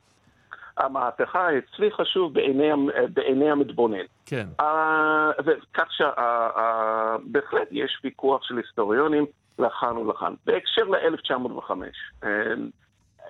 אני מניח שלא, כי מאותן סיבות שהמהפכה ב-1917, המרכאות או, או בלי מרכאות המוצלחת, אה, אה, הייתה מצליחה, הייתה פורצת ללא מלחמה, במקרה ההוא, המאוחר יותר, מלחמת העולם הראשונה, כאן ב-1905 משהו היה קורה, כי לצד ההישגים, והיו, היו כאלה. אה, האימפריה הרוסית מתמלאת אה, למשל במסילות ברזל, והיא נפתחת יותר למערב, אה, ויש סיבות לאופטימיות, אבל, אבל, יש במבנה היסודי של האימפריה העצומה הזאת מספיק גורמים שלא היו שקטים mm-hmm. בעשורים שלפני כן. אפשר לומר שמהפכת 1905 בסופו של דבר פורצת בגלל שינויים שנעשו ולא נעשו עוד בשנות ה-60 של המאה ה-19, בשורה של רפורמות גדולות מאוד שהיו כדי לשחרר את הצמיתים ולחדש את הצבא ועוד שורה של דברים שהצאר הקודם הקודם, אלכסנדר השני, העניק לעם. אבל כל הרפורמות האלה אפרופו בימינו, בדיבור של רפורמות, אה, לא הביאו את הסחורה מבחינת האוכלוסייה הכללית הגדולה. מיליוני הצמיתים, או עשרות מיליוני הצמיתים לשעבר. המדינה או האימפריה שבה הם חיו לא היטיבה איתם. ומספיק גם אצל המאה הביניים שחיפשו משהו אחר. האם אפשר היה בכל זאת ללכת אה, צעד ביניים לסוג של אה, מלוכה חוקתית, כפי שאתה אומר, אה, אפשר היה, לו המלכים היו אחרים, או המלך... ולו אלכסנדר השני לא היה נרצח, כמובן, שזה גם נושא אחר. ייתכן, ייתכן. אני רוצה לשאול אותך, מה הכוחות הפועלים במהפכת 1905? בסופו של דבר, מי, מי עומד מאחורי אותם אנשים שאנחנו רגילים לראות בסרטי השחור לבן המקרטעים האלה? תראה, להבדיל, להבדיל ממהפכות אחרות, אה, שעוד יקרו לא רק ברוסיה, אלא במקומות אחרים, פה מדובר באמת יותר במשהו שיותר במסורת הרוסית כמעט, שמהפכה שהיא לא ממש מאורגנת בראשיתה. Mm-hmm. יש פה סדרה של התפרצויות זוהמות בערים גדולות ברחבי האימפריה, אה, שבא מאיזשהו הרכב של פועלים, איכרים, חיילים מורדים, וגם הם, הם, לא אליטות, אבל מעמדי הביניים המעטים שיש ברוסיה, שממורמרים על המצב הקיים בא, באימפריה. אה, עוד יותר, עוד יותר, מי, ש, אה, מי שעוד יצטרף לזה, כאלה שזועמים על תוצאות המלחמה וההשלכות של המהפכה, או של השלבים המוקדמים של המהפכה, על המלוכה. יש פה סוג של תרכובת, מוזאיקה, ללא מפלגה או אפילו איש שממש יוביל אותם. אין לנין של 1905, אה, אלא הרבה מאוד דמויות שחלקן מוכרות להיסטוריה וחלקן הרבה הרבה פחות מוכרות. הדמויות האלה. בסופו של דבר, אחד הדברים שנשארו כמובן הוא המיתוס המחבר את המהפכה הזאת, כפי שציינת, למהפכת 1917, למשל סרט המופת אוניית הקרב פוטיומקין. זה מה שנשאר לנו בזיכרון ההיסטורי, כשכמובן הסרט לא מדייק בפרטים. אה, כמובן. אה, תראו, אה, לנו המערבים פחות או יותר, זה מה שנדבק, ואכן המהפכה הזאת היא נחשבת המהפכה שנשכחה, גם אצל ההיסטוריונים אה, אה, של מזרח אירופה. כי כמובן בא מפץ הרבה יותר גדול ונרחב, איזשהו מוצלח, מוצלח, לא מוצלח לאחר מכן, ב-1919. אבל בכל זאת, יש, יש סממנים גם היום למהפכה הזאת, לא רק סרט מופת, אה, עם המדרגות המפורסמות אה, בעיר אודסה, אלא גם חלק מהמבנים שנותרו ברוסיה עד היום. אחד מהם כמובן זה הדומה.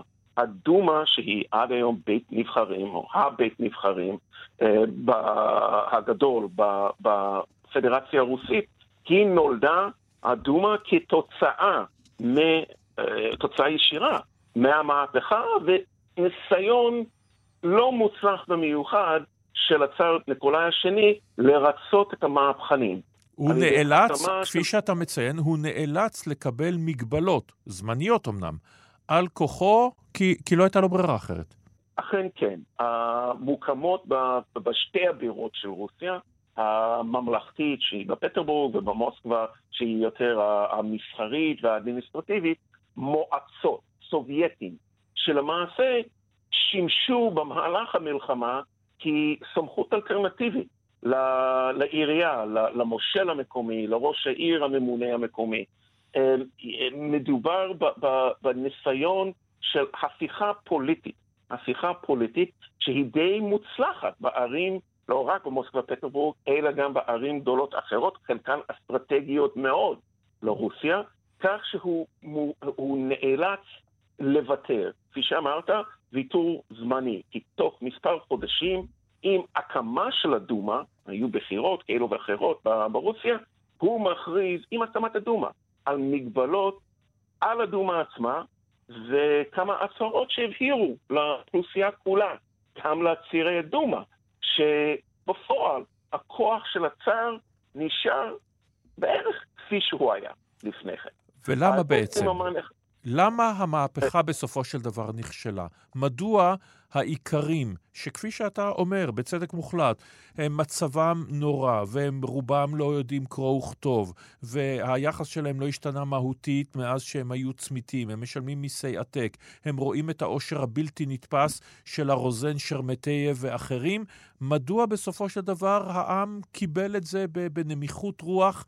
באפתיות זה חלק מאותו אופי רוסי מפורסם שמקבל שליטים ברוטליים ואכזריים כמובנים מאליהם, חלק מהסדר הטבעי? כן, אורן, זה נרטיב אחד. הנרטיב השני, שלדעתי הוא, הוא, הוא יותר מדויק, העם, העיקרים, לא קיבלו, לא ויתרו, אלא הצבא האימפריאלי נשאר נאמן ברובו. נכון היו מורדים. הצבא גם אחרי רפורמות מרחיקות לכת בשנות ה-70 של המאה ה-19, mm-hmm.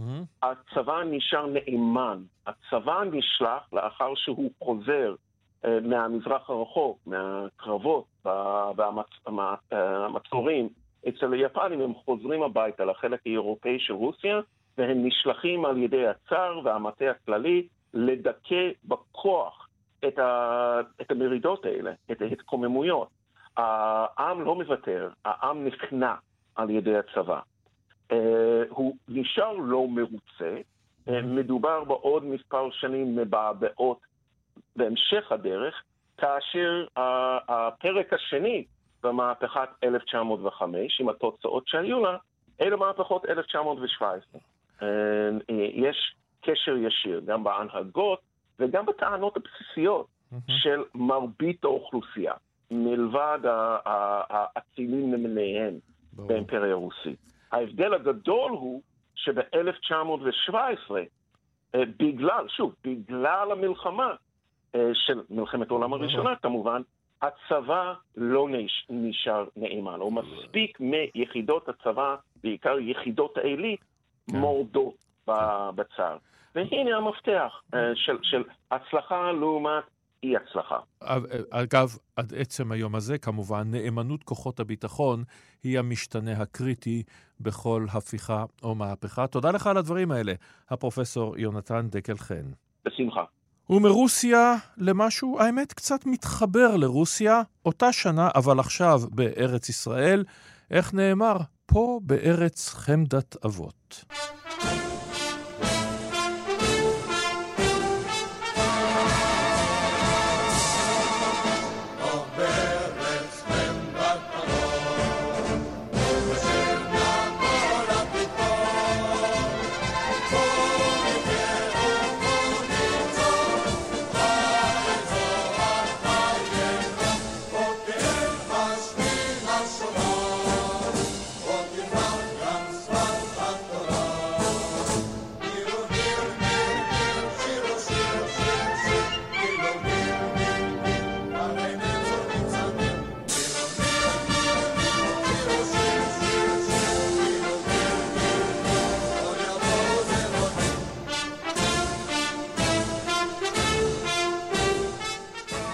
ועדיין ב-1905, אז הוקמה הגימנסיה העברית ביפו, ארבע שנים אחר כך, ב-1909, תקבל את שמה הידוע, הגימנסיה העברית הרצליה.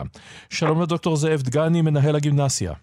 שלום וברכה, אורן. בואו נתחיל מההיסטוריה. על אילו ערכים היא קמה אז, לפני 118 שנים? אני חושב שהיא קמה בעיקר בעקבות, אה, נאמר, פרעות קישינב היו אחד, ה, אחד המוטיבייטורים הגדולים אה, להקים בית לחינוך עברי. אה, הקונגרסים הציוניים, כמובן הרצל שראה בחזונו אה, בית לחינוך עברי. היא קמה, אני חושב, על ערכים בעיקר אה, פלורליסטיים.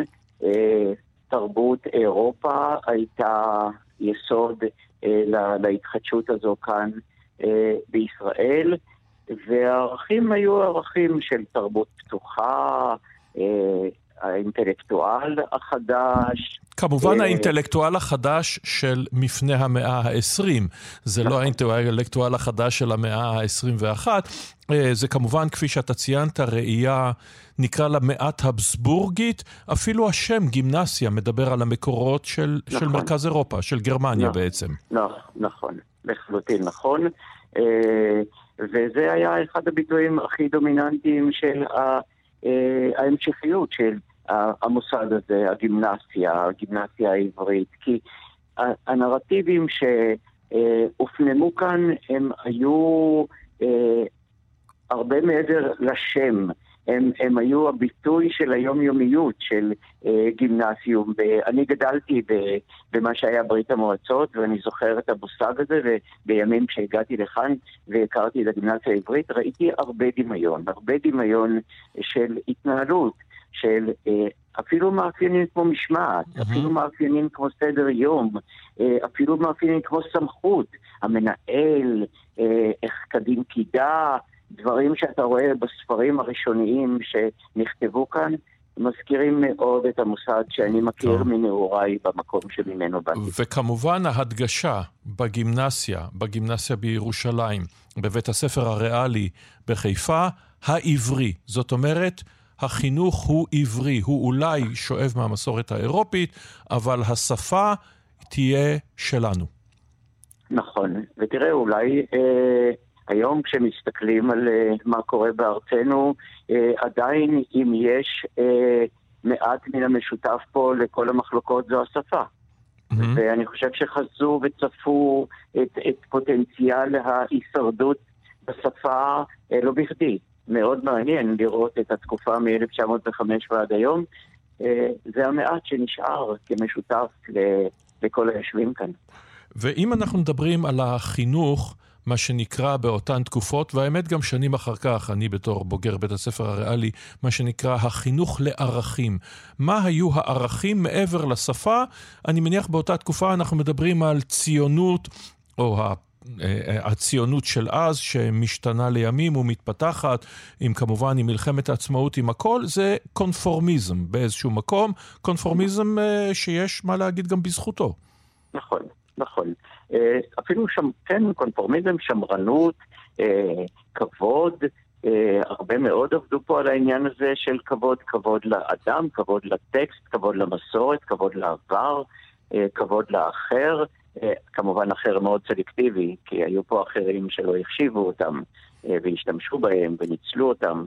אה, נכון, אני חושב שזה היה המאפיין. הקונפורמיזם במובן הקלאסי, כמו שאמרת, אורן, גם, גם לטוב וגם, וגם לרע, כי אני חושב שהוא שימר הרבה מאוד ערכים ארכאיים שלא לא עבדו אצל הישראלי החדש, הפתוח, הסנדלים וכובע הטמבל, אה, היו קצת אנטיתזה לקונפורמיזם הזה. אבל אני חושב. שמצד שני זה יצר גם את המתח הבונה והמתחדש. כן, אבל אנחנו כמובן עוד לפני תקופת הצבר, זה שייוולד, אה, מטאפורית לפחות, באזור מלחמת, ה... באזור מלחמת העצמאות, ואנחנו בתקופה עדיין של העלייה הראשונה, שבה, ובוודאי בעלייה השנייה והשלישית, הדגש, הדגש התרבותי, יהיה על ההגשמה, על החקלאות, על אותו ישראלי חדש שאתה מדבר עליו, על אותו זה החורש את אדמתו ומחזיק אה, אה, נשק ביד השנייה. הם יהיו מובילי הציונות, הם יהיו האוונגרד לכאורה. איך היה המתח בין העיר, במובן הזה שהגימנסיה היא אחד הסמלים שלה, לבין הערכים האלה? אז זו שאלה מעניינת, מפני שלמרות העירוניות, הגימנסיה אה, הייתה אה, הבסיס אה, להולדת המחנות העולים, להולדת גרעיני הצופים, להולדת התנועה הקיבוצית. חלק גדול מאוד ממיישבי התנועה הקיבוצית הראשונה הם בוגרי הגימנסיה. כאן התחילו תהליכים של יישוב, יישוב המדינה, יישוב הארץ. אז מצד אחד נולדה פה תל אביביות. עם אה, מאפיינים אה, של חגיגות פורים ומסיבות כאלה ואחרות ואירועים אה, של האליטה הישראלית, ומצד שני כאן היו היסודות של בנייה של תנועת הנוער והמחנות העולים, כמו שאמרתי, והרבה מאוד קיבוצים, הגרעינים הראשונים, יצאו מפה. ואם אנחנו, ואם, כן. אנחנו, ואם אנחנו מסתכלים על השינויים שעברה ישראל, וכמובן לא, לא ניכנס לכולם בשיחה, אמנם ארוכה במונחי רדיו, אבל יחסית קצרה, את כל תולדות הציונות מתחילת המאה ה-20 עד היום, אפשר לומר בהכללה מאוד גדולה שהחינוך, לא רק בגימנסיה, אבל אנחנו מתמקדים בה, היה די דומה עד נניח אזור מלחמת ההתשה והאמונה השלמה בצדקת הדרך. פה ושם קולות, אבל הם קולות מאוד מאוד בודדים. ואז במלחמת ההתשה, עם הציניות, אם ניפגש על לוח הזיכרון של הגימנסיה, הביטוי המפורסם הזה, ואחר כך מלחמת יום הכיפורים, פה מתחיל השבר הגדול גם בחינוך? אה, בהחלט. בהחלט, אני חושב אה, שאם מסתכלים בפרספקטיבה של זמן ומנסים לבחון או להשוות, ואני בעד הזכות להשוות, בכל עניין ודבר, בין מה שקורה היום לבין מה שקרה אז. אה, כן, השבר הגדול אה, ניכר, אה, אני חושב, בהסתגרות, בהפרדה, אה, אז אולי התחיל הפער הגדול בין פריפריה ומרכז. אה, הבית ספר הזה, הגימנסיה, היה בית ספר מאוד אליטיסטי, ילדים מסביון ומהשכונות העשירות ביותר היו מגיעים לפה באוטובוסים ומשאיות, וילדי פריפריה, כלומר גם דרום תל אביב, אה, לא הגיעו לכאן. כאן נוצרה אליטה אה, מאוד סגרגטיבית, מאוד מאופיינת בצבעים שלה, באושר שלה, באושר בעין אני מתכוון. אה, בהחלט אה, שנים רבות המוסד הזה היה מוסד אופייני לאליטה הכלכלית, ובמידה מסוימת גם האינטלקטואלית, ושנים רבות זה רדף את הגימנסיה. אתה, אתה מדבר על זה בלשון עבר, אבל היום אנחנו רואים את, ה, את העימותים האלה, את, את הביטויים האלה של ישראל הראשונה והשנייה, של, של פריפריה ומרכז. לא ניכנס כמובן לכל הסיפור הזה, אבל היום מדברים על ישראל ויהודה, על מדינת תל אביב, שהגימנסיה היא אחד הסמלים שלה. נכון, אבל אה, דווקא בשל העובדה שהגימנסיה היא אחד הסמלים שלה, אנחנו נלחמים בסמל הזה. אתן לך דוגמה, אם עוברים לימים של היום, אני כבר כאן 15 שנים, ובאתי מלוד, אה, עיר הטרוגנית מאוד, והאמנתי בהטרוגניות. אנחנו היום, אה, עם 2,000 התלמידים שלנו, למעלה מ-35% תלמידים לא מגיעים מהאזור של מרכז תל אביב, השבע. הם ילדים שמגיעים מדרום תל אביב, ילדים שמגיעים מיפו, ילדים ערבים, ילדי פליטים, אה, וההטרוגניות הזאת היא המלחמה שלנו כנגד ישראל הראשונה והשנייה, כנגד הפערים ההולכים וגדלים בין פריפריה ומרכז. אני מאוד רגיש לעניין הזה, וגם הצוות שלנו מאוד מאוד מסייע בהטרוגניות, עושים כל מה שאפשר בכדי שהאמירות הסיסמתיות האלה לא יחולו גם עלינו, ואני מאוד מקווה שכמו שהיינו איזה יסוד של הרחבה והפצת השפה העברית והתרבות העברית אה, בשחר אה, נעוריה של הגימנסיה, אנחנו גם מעט אה, שותפים בהפצת ה... יש עברי וישראלי אחד עם השונות וההבדלים, אבל צריך בכדי ש... לא תהיה סטיגמה של ישראל הראשונה והשנייה, להילחם כנגד הסטיגמה הזו, ואנחנו עושים בזה רבות. תודה לך על הדברים האלה. הדוקטור זאב דגני, מנהל הגימנסיה העברית. תודה רבה, אורן, כל טוב. ועדיין ב-1905, ב-17 באוקטובר מוצג בפריז סלון הסתיו לאומנות.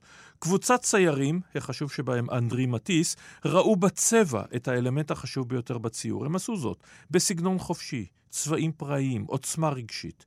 מבקר האומנות לואי וסל ראה פסל רנסאנס בין היצירות, הזדעזע וכתב ביקורת שכותרתה דונטלו כלוא בין חיות הפרא. וכמו בלעם בא לקלל ונמצא מברך. הפוביזם, פראות בצרפתית, הגיע והשתלט. בדרום אפריקה נמצא יהלום קולינן, שלושת אלפים קראט משקלו, היהלום הגדול שבעולם עד עצם היום הזה. ובאותה שנה כתב קלוד דביסי הצרפתי את יצירתו הנודעת, הים.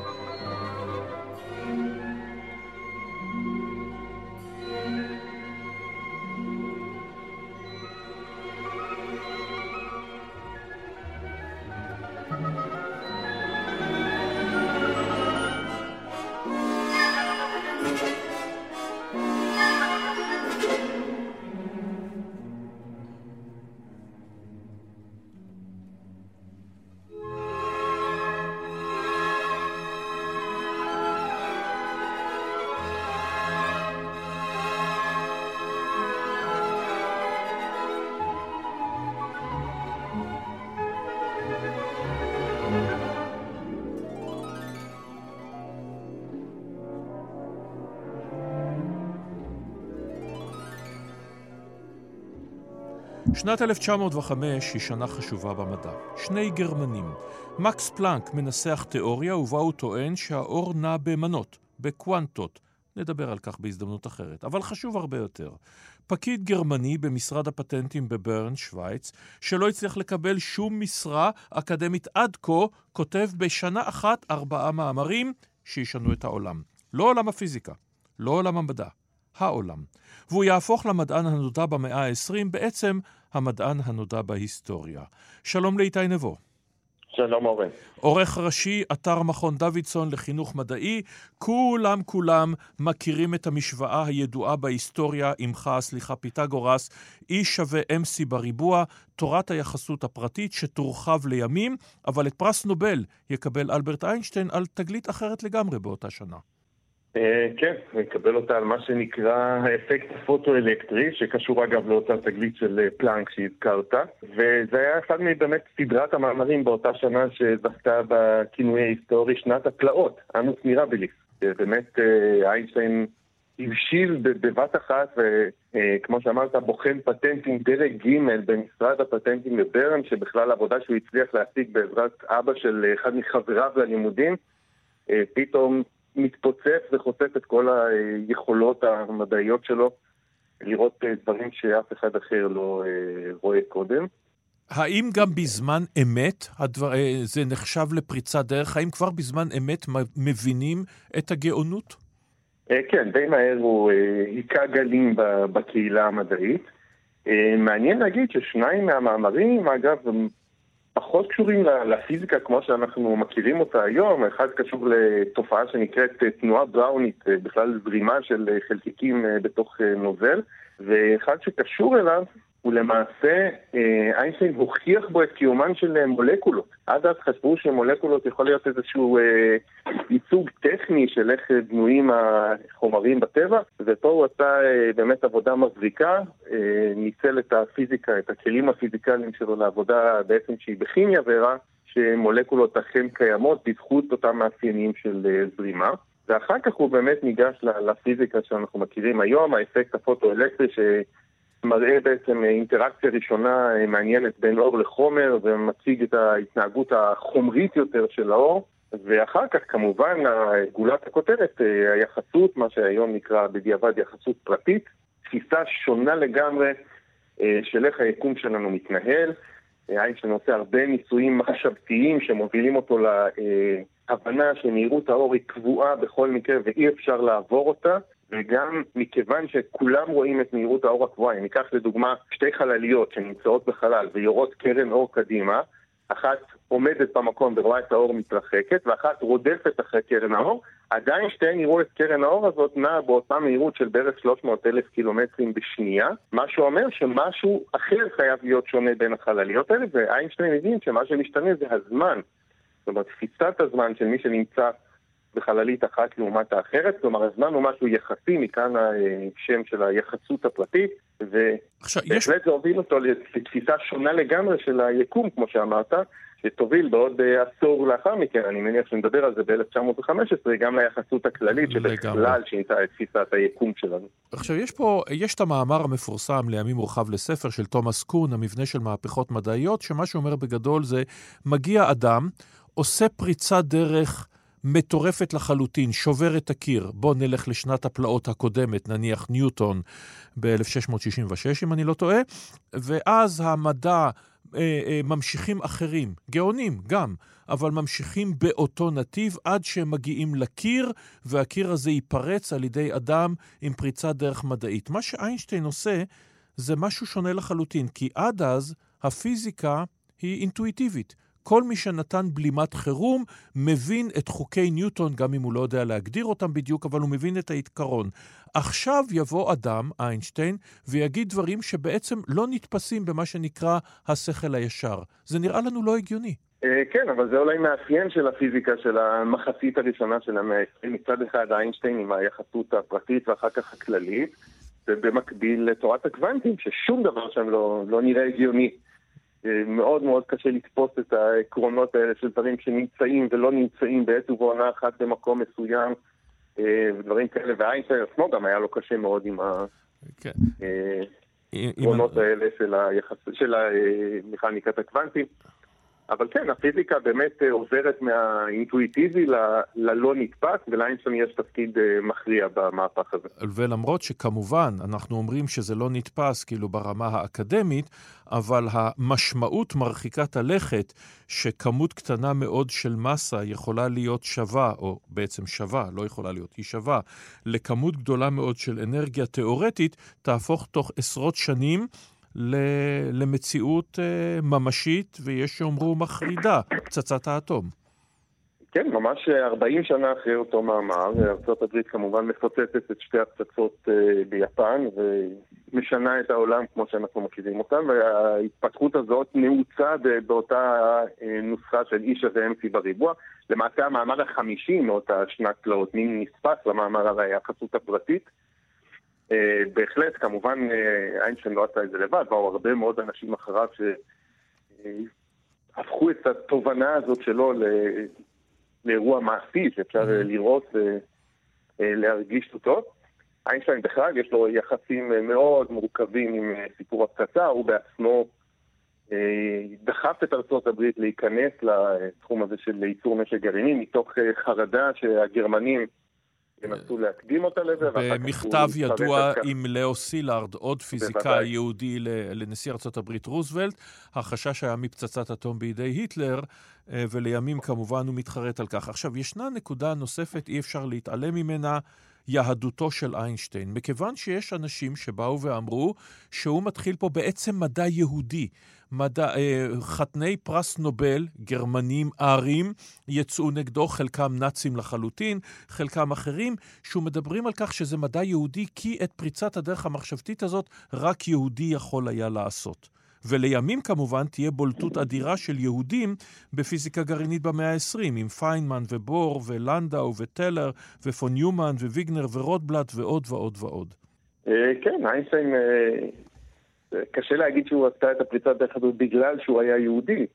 הוא עשה אותה בגלל שהוא היה גאון, אבל באותה תקופה כבר החלו לנשב הרוחות האנטישמיות המאוד חזקות בגרמניה.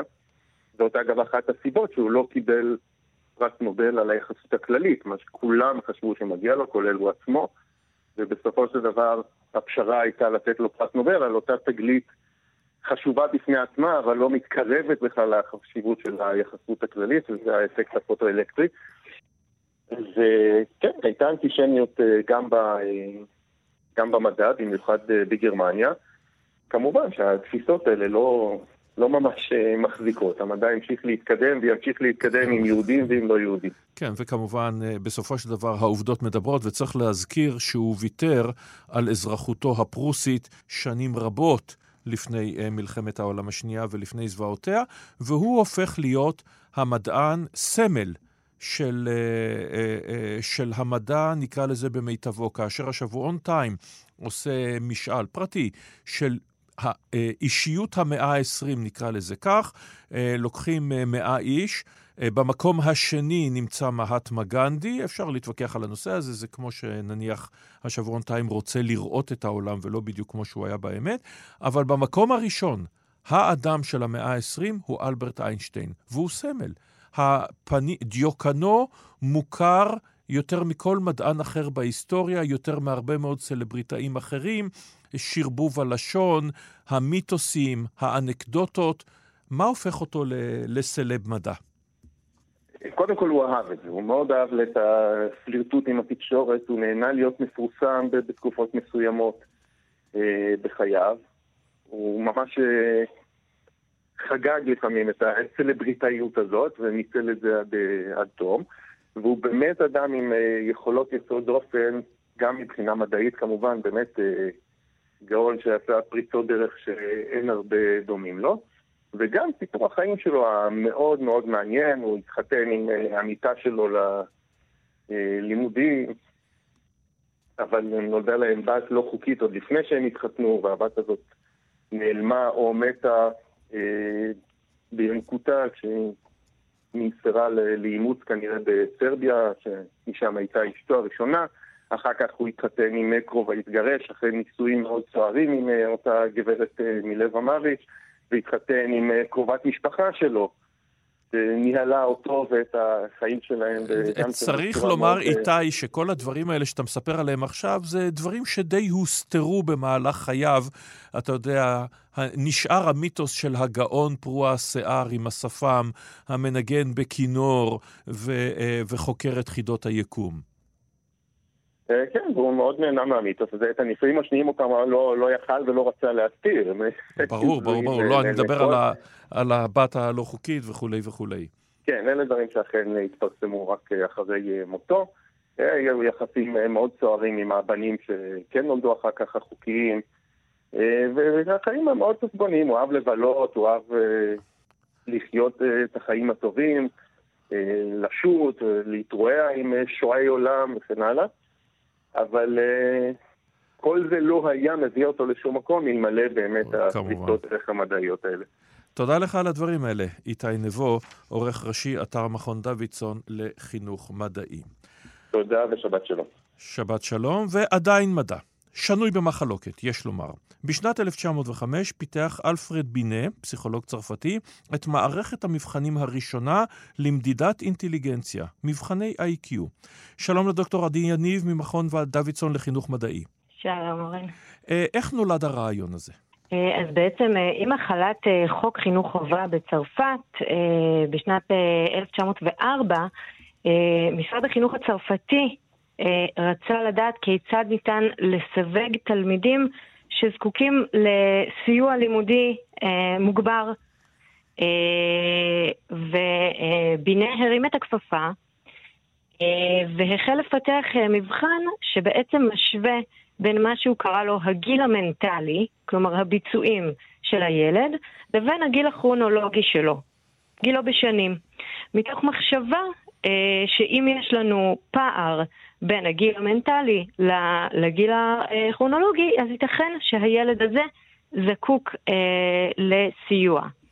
עכשיו, עד היום, מדי שבוע אני רואה בעיתונים, בשבועונים, בחן את האינטליגנציה שלך, רק אחוז אחד פותר את החידה הזו.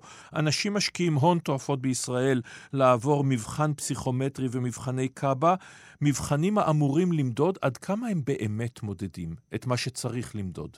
אה, אז ההגדרה הכי טובה היא אה, הגדרה אה, אופרטיבית. בעצם אנחנו לא יודעים להגדיר היטב אינטליגנציה, אז ההגדרה האופרטיבית היא אינטליגנציה היא כל מה שהמבחנים האלה מודדים. אז למעשה מבחנים אה, שמתאמצים להצליח בהם, מודדים עד כמה טוב אתה אה, אה, מבצע את המבחן הפסיכומטרי או אה, מבחני הקאבה של הצבא. אה, זה, זה קודם כל חשוב לדעת. כמובן שקיים מתאם אה, בין הישגים במבחנים האלה אה, לבין אה, הישגים במגוון תחומים בחיים.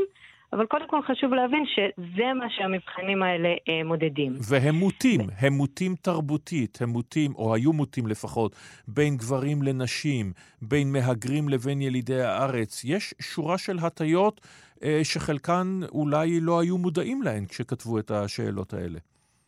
בוודאי. המבחנים גם אה, השתנו מאז המבחן של אה, אה, בינה, היה ניסיון להפוך את המבחן, להכליל אותו על סמך אוכלוסייה גדולה בארצות הברית, והמבחן המעודכן נקרא מבחן סטנפורד בינה. ובארצות הברית בכלל היו הרבה מאוד אירועים והתפתחויות סביב המבחנים האלה. הצבא האמריקאי, בזמן מלחמת העולם הראשונה, רצה כלי עזר אה, לשיבוץ המתגייסים, ועל בסיס המבחן שפיתח בינה, פיתחו אה, מבחנים שהיו ידועים כ Army Alpha, ולאחר מכן גם Army Beta. Army Alpha היה מבחן שהיה מבוסס יכולות מילוליות, ובמבחן הזה באמת לא הצליחו חיילים שלא ידעו קרוא וכתוב, לא הצליחו בני מהגרים בארצות הברית, שגם לא שלטו היטב באנגלית, ולכן אה, פותח אה, אה, מבחן הבטא, שהיה מבוסס אה, יותר אה, צורות, אה, ובעצם ניסה אה, למדוד סט יכולות אה, אה, שפחות הסתמך על הבנה שפתית. אה, וכיום באמת מבחני האינטליגנציה הנפוצים יותר, כמו למשל מבחן וקסלר, אה, יש בהם משימות שהן אה, אינן מילוליות, שמנסות באמת להתמודד עם הנקודה הזו של ההטייה במבחנים, אבל חשוב לציין שההטייה עדיין קיימת. ברור. ובעיה נוספת של המבחנים היא שהם מבחנים שאינם גמישים. כלומר, יש סט של תשובות ויש תשובה אחת נכונה, וייתכן שנבדק מסוים יכול אה, להציע פתרון יצירתי אחר שאינו מופיע בסט התשובות, והמבחן פשוט לא, לא, לא יכול לקבל את זה. כן. יש מאמר שנקרא למה אף אחד מאיתנו לא מכיר את הגאון הכי גדול בעולם? כלומר, כל אלה שבמדידות הגיעו לציונים מפלצתיים, ולא הצליחו אחר כך. והרגע דיברנו עם, על, אה, על אלברט איינשטיין, היו אנשים בהיסטוריה עם איי-קיו טכנית יותר גבוה, אבל אה, לא היה איזשהו אלמנט נוסף שלא נמדד באותם מבחני איי-קיו. אולי זה יותר מיקוד, אולי נחישות, אולי יצירתיות, שאותם המבחנים האלה לא מודדים, או מודדים פחות טוב. אה, בוודאי, ואחת הביקורות, אם אנחנו נסתכל על מה שנעשה בצבא ארצות הברית, שכמובן השימוש במבחנים האלה אה, הופסק, אה, אז באמת יש תכונות אחרות, אם נסתכל על מה שדרוש לחייל, דרושה יכולת להתמודד עם, עם מצבי לחץ, והתמדה, ויכולת למלא פקודות, ואת כל המאפיינים האישיותיים האלה, כמובן שהמבחנים אינם בודקים. ולכן, המבחנים גם אינם בודקים אה, מיומנויות ותכונות אחרות שקשורות להצלחה בחיים, בין אם הצלחה אקדמית, בין אם הצלחה בעולם העסקים. אה, ולכן שוב, חשוב להזכיר שמה שהם בודקים הוא כמה טוב אתה אה, מבצע אותם. ולימים יש לנו מבחנים נוספים או סוגים שונים של אינטליגנציה, נניח אינטליגנציה רגשית הכה מפורסמת ואחרים. אה, נכון מאוד, ועוד דבר מעניין בקשר למבחני האינטליגנציה הוא אה, מה שידוע בשם אפקט פלין. אפקט פלין הוא בעצם אה, אה, תופעה מעניינת שבה אה, ג'יימס פלין, אה, חוקר מניו זילנד, ראה שהציון הממוצע במבחני האינטליגנציה עולה עם השנים. אה, כלומר, ילדים בממוצע יקבלו ציון גבוה בכעשר נקודות מהוריהם. שזה אה, מאוד מאוד משמעותי. אה, והאפקט הזה בעצם משתחזר בהרבה מאוד אה, אוכלוסיות בעולם, בהרבה מאוד מדינות, והוא נמצא עקבי. וזו מעוררת השאלה, האם אנחנו נעשים חכמים יותר? הסבר אחד אפשרי לתופעה הזו היא לא שאנחנו באמת נעשים חכמים יותר, אלא שה... המיומנויות שבני אדם נדרשים אליהם בימינו הן מיומנויות אחרות, החשיפה היא אחרת, חשיפה לעושר של מידע, לסוגי מידע, אה, ולכן מתקבלים ציונים גבוהים יותר בסולמות מסוימים אה, בתוך מבחן האינטליגנציה, בתתי חלקים מסוימים של המבחן. ומעניין להגיד שעכשיו יש גם אפקט פלין הפוך. יש סולמות מסוימים שבהם אנחנו רואים ירידה, אה, אה, לראשונה בהיסטוריה, מתחילת שנות האלפיים, ירידה בציונים, אה, וגם כאן ייתכן שזה לא מבטא את זה שאנשים נעשים טיפשים יותר, אלא פשוט אה, את זה שהם מתמודדים אחרת עם משימות שונות, או החיים המודרניים שלנו דורשים יכולות אחרות. כמובן, אה, טוב, יש שיחסו את זה כמובן לאפקט הסלולרי, המחשב ושורה של דברים אחרים. את נוירוביולוגית בהכשרתך, האם את רואה יום שבו יהיו לנו שיטות אחרות, אפשרויות אחרות, נניח סרטי המדע הבדיוני יצמידו אלקטרודה למוחנו, ידעו את ה-IQ שלנו ובזאת זה יסתיים, או מה שלא יהיה הדבר שאותו יצטרכו למדוד באותה עת? אני חושבת שלא. אחד מהדברים המעניינים במוח שלנו הוא שכאשר אנחנו לומדים ונחשפים למידע חדש, בעצם נוצרים אה, חיבורים, קשרים חדשים אה, במוח שלנו. סוג הקשרים וכמות הקשרים זה בעצם מה ש, אה, ש, שמתווך או שעומד בבסיס היכולות שלנו, וזה משהו ששוב משתנה כל הזמן ומתאים את עצמו למה שאנחנו עושים ונחשפים אליו. אני לא חושבת שיהיה אפשר לחבר איזה צ'יפ ו- ולמדוד את זה, אבל מי יודע.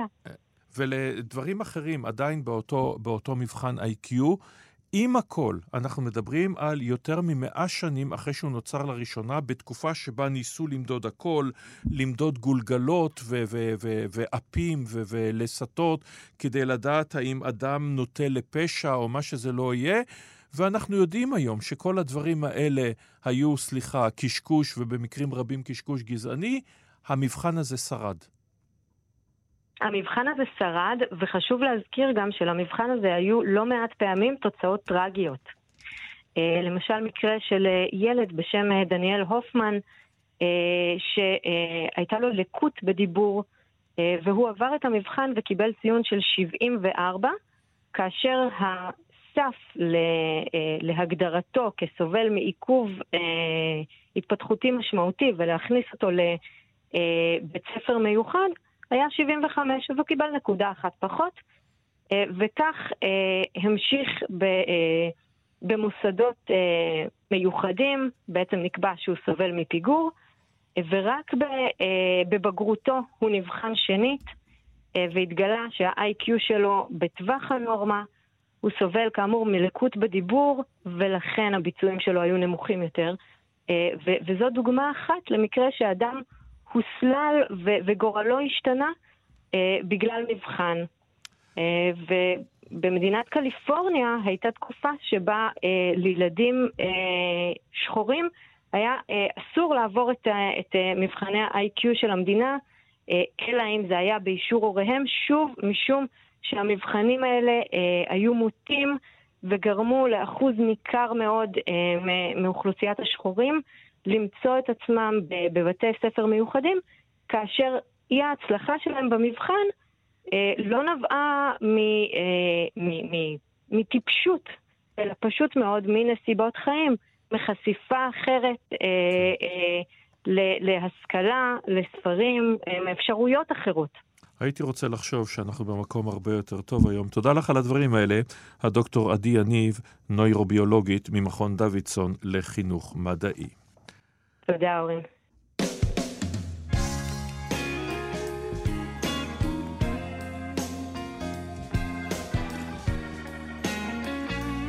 ומכיוון שאנחנו באביב, אז ניפרד על רקע השיר הזה, Spring Vacation.